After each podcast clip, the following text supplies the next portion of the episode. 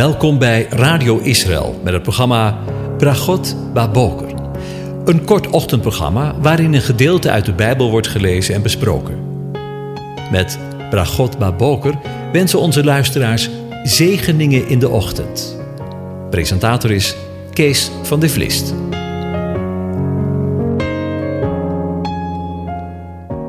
Goedemorgen, Bokatov, beste luisteraars.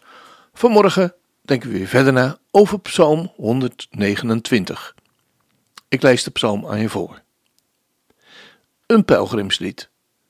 Ze hebben mij dikwijls benauwd, vanaf mijn jeugd. Zeg dat toch, Israël. Ze hebben mij dikwijls benauwd, vanaf mijn jeugd. Toch hebben zij mij niet overwonnen. Ploegers hebben mijn rug geploegd. Ze hebben hun voren lang gemaakt. De Heer, die rechtvaardig is, heeft de touwen van de goddelozen afgehakt. Laat beschaamd worden en terugwijken allen die Sion haten. Laat hem worden als gras op de daken dat verdort voordat men het uittrekt. Waarmee de maaier zijn hand niet vult of de schovenbinder zijn arm. En de voorbijgangers zeggen niet: De zegen van de aanwezigen zij met u. Wij zegenen u in de naam van de aanwezigen. Tot zover. Over benauwdheid en verlossing gesproken. Ook in het geval dat God zijn volk heeft moeten tuchtigen vanwege hun zonde, zoals we dat in de voorgaande uitzendingen met elkaar overdachten, is het daarbij niet gebleven en heeft hij het volk maar aan laten tobben en ronddolen op deze aarde. Maar wat een wonder! Hij is vanwege zijn eigen verlossingswerk trouw gebleven aan zijn plan met hen, om hen tenslotte goed, tof te doen. Hij heeft aan de verwachtingen die hij heeft gewekt zelf beantwoord. En het vertrouwen dat hij van zijn volk heeft gevraagd, heeft hij niet beschaamd. De Heere heeft de touwen van de goddelozen, waarmee zij het overblijfsel hadden vastgebonden, als gevangenen afgehakt. In Psalm 124 lezen we de woorden van vergelijkbare strekking. Onze ziel is ontkomen als een vogel uit de strik van de vogelvanger. De strik is gebroken en wij, wij zijn ontkomen. Hij heeft, om bij het beeld te blijven, de knoop doorgehakt en nu zelf de touwtjes in handen genomen. Het heeft er soms op geleken of hij geen aandacht voor zijn lijdende volk schonk. Nu blijkt hij zijn oog onophoudelijk in genade op hen gericht heeft gehouden. Hij heeft het voor zijn volk opgenomen en hen bevrijd. Nu leidt hij hen verder. Hij bevrijdt en zegent het overblijfsel terwijl beschaamd worden en terugwijken alle die Sion haten. Laten we in vers 5. Laat beschaamd worden en terugwijken alle die Sion haten. De vijanden worden in vers 4 de goddelozen genoemd. Zij zijn godloos, zonder God. Hier worden ze genoemd alle die Sion haten. Godloos, zonder God zijn dus alle mensen die Sion haten. Zonder God. Het zijn dus synoniemen van elkaar. Verschrikkelijk.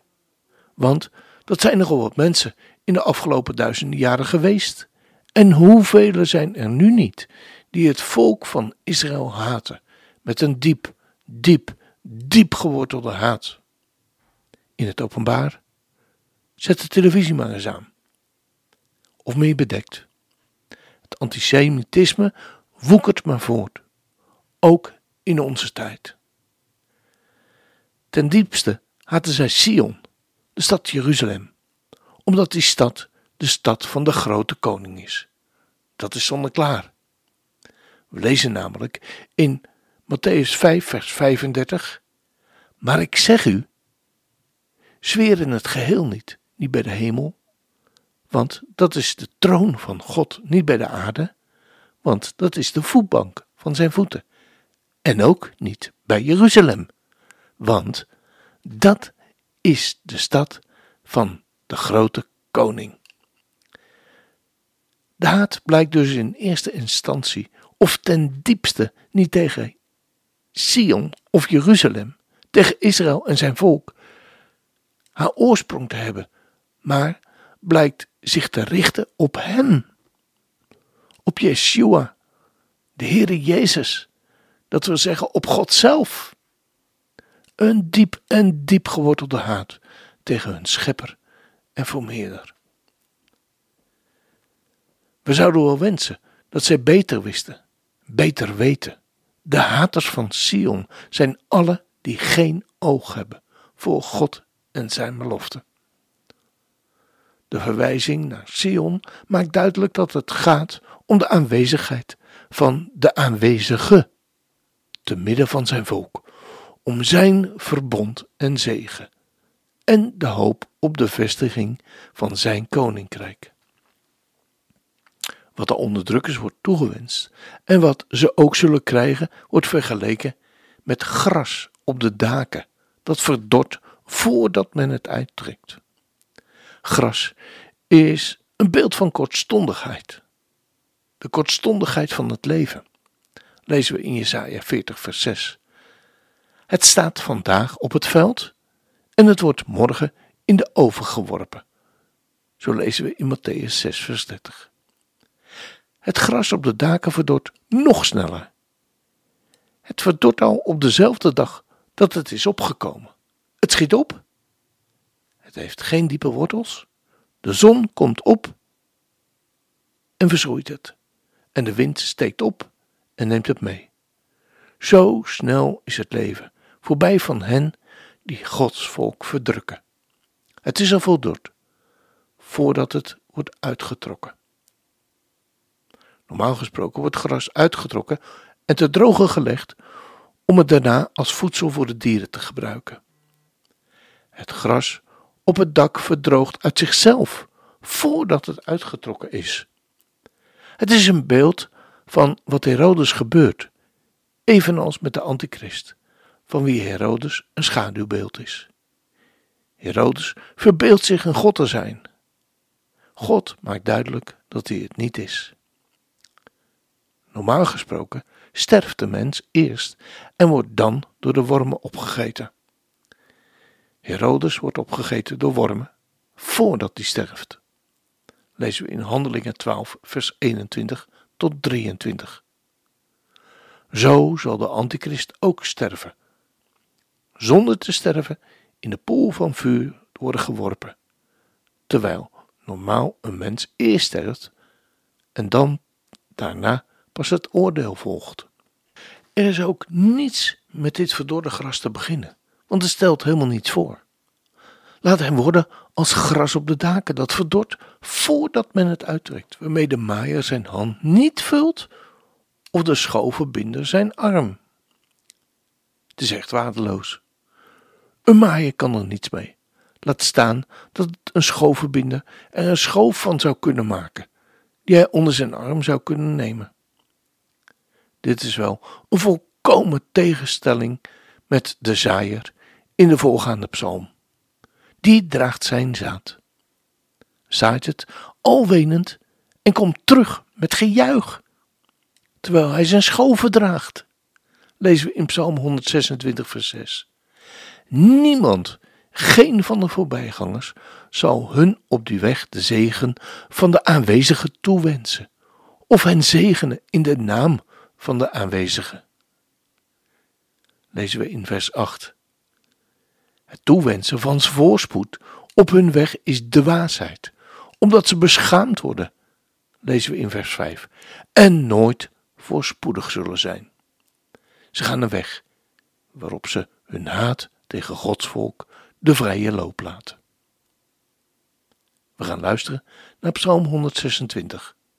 Shir Hamaalot het is een danklied na de ballingschap.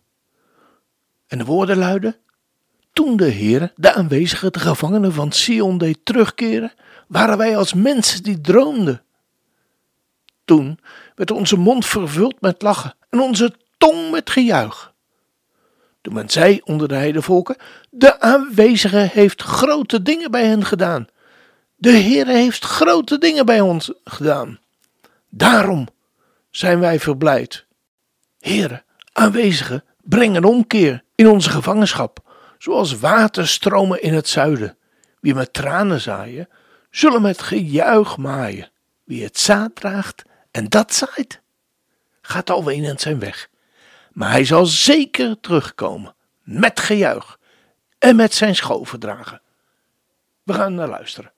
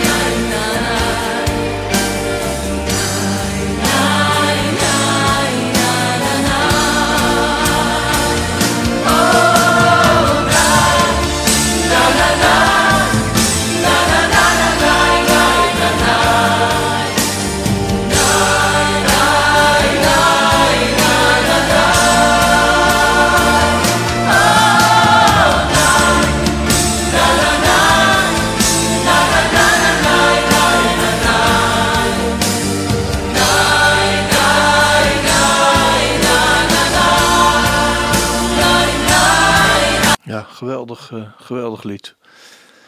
Geweldige woorden en uh, geweldig gezongen. Dan zijn we daarmee weer aan het einde van deze uitzending gekomen. Wens ik u God zegen toe. De Heer zegent en hij behoedt u, ook vandaag. De Heer doet zijn aangezicht over u lichten en zij u genadig. De Heer verheft zijn aangezicht over je en geeft je zijn vrede, zijn shalom. Amen.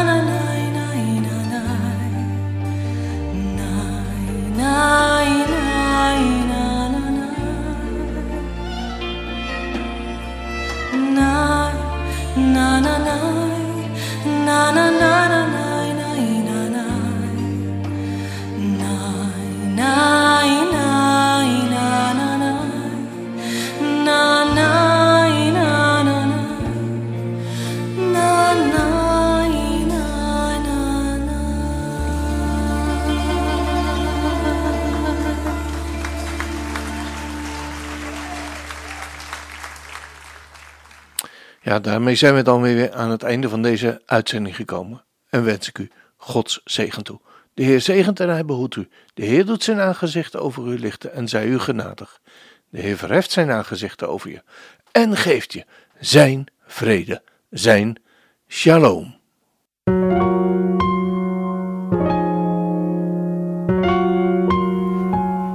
U hebt geluisterd naar het programma Bragot Baboker. Een kort ochtendprogramma waarin een gedeelte uit de Bijbel wordt gelezen en besproken. Wilt u het programma nog eens naluisteren, dan kan dat. Ga naar radioisrael.nl en klik onder het kopje radio op Uitzending gemist.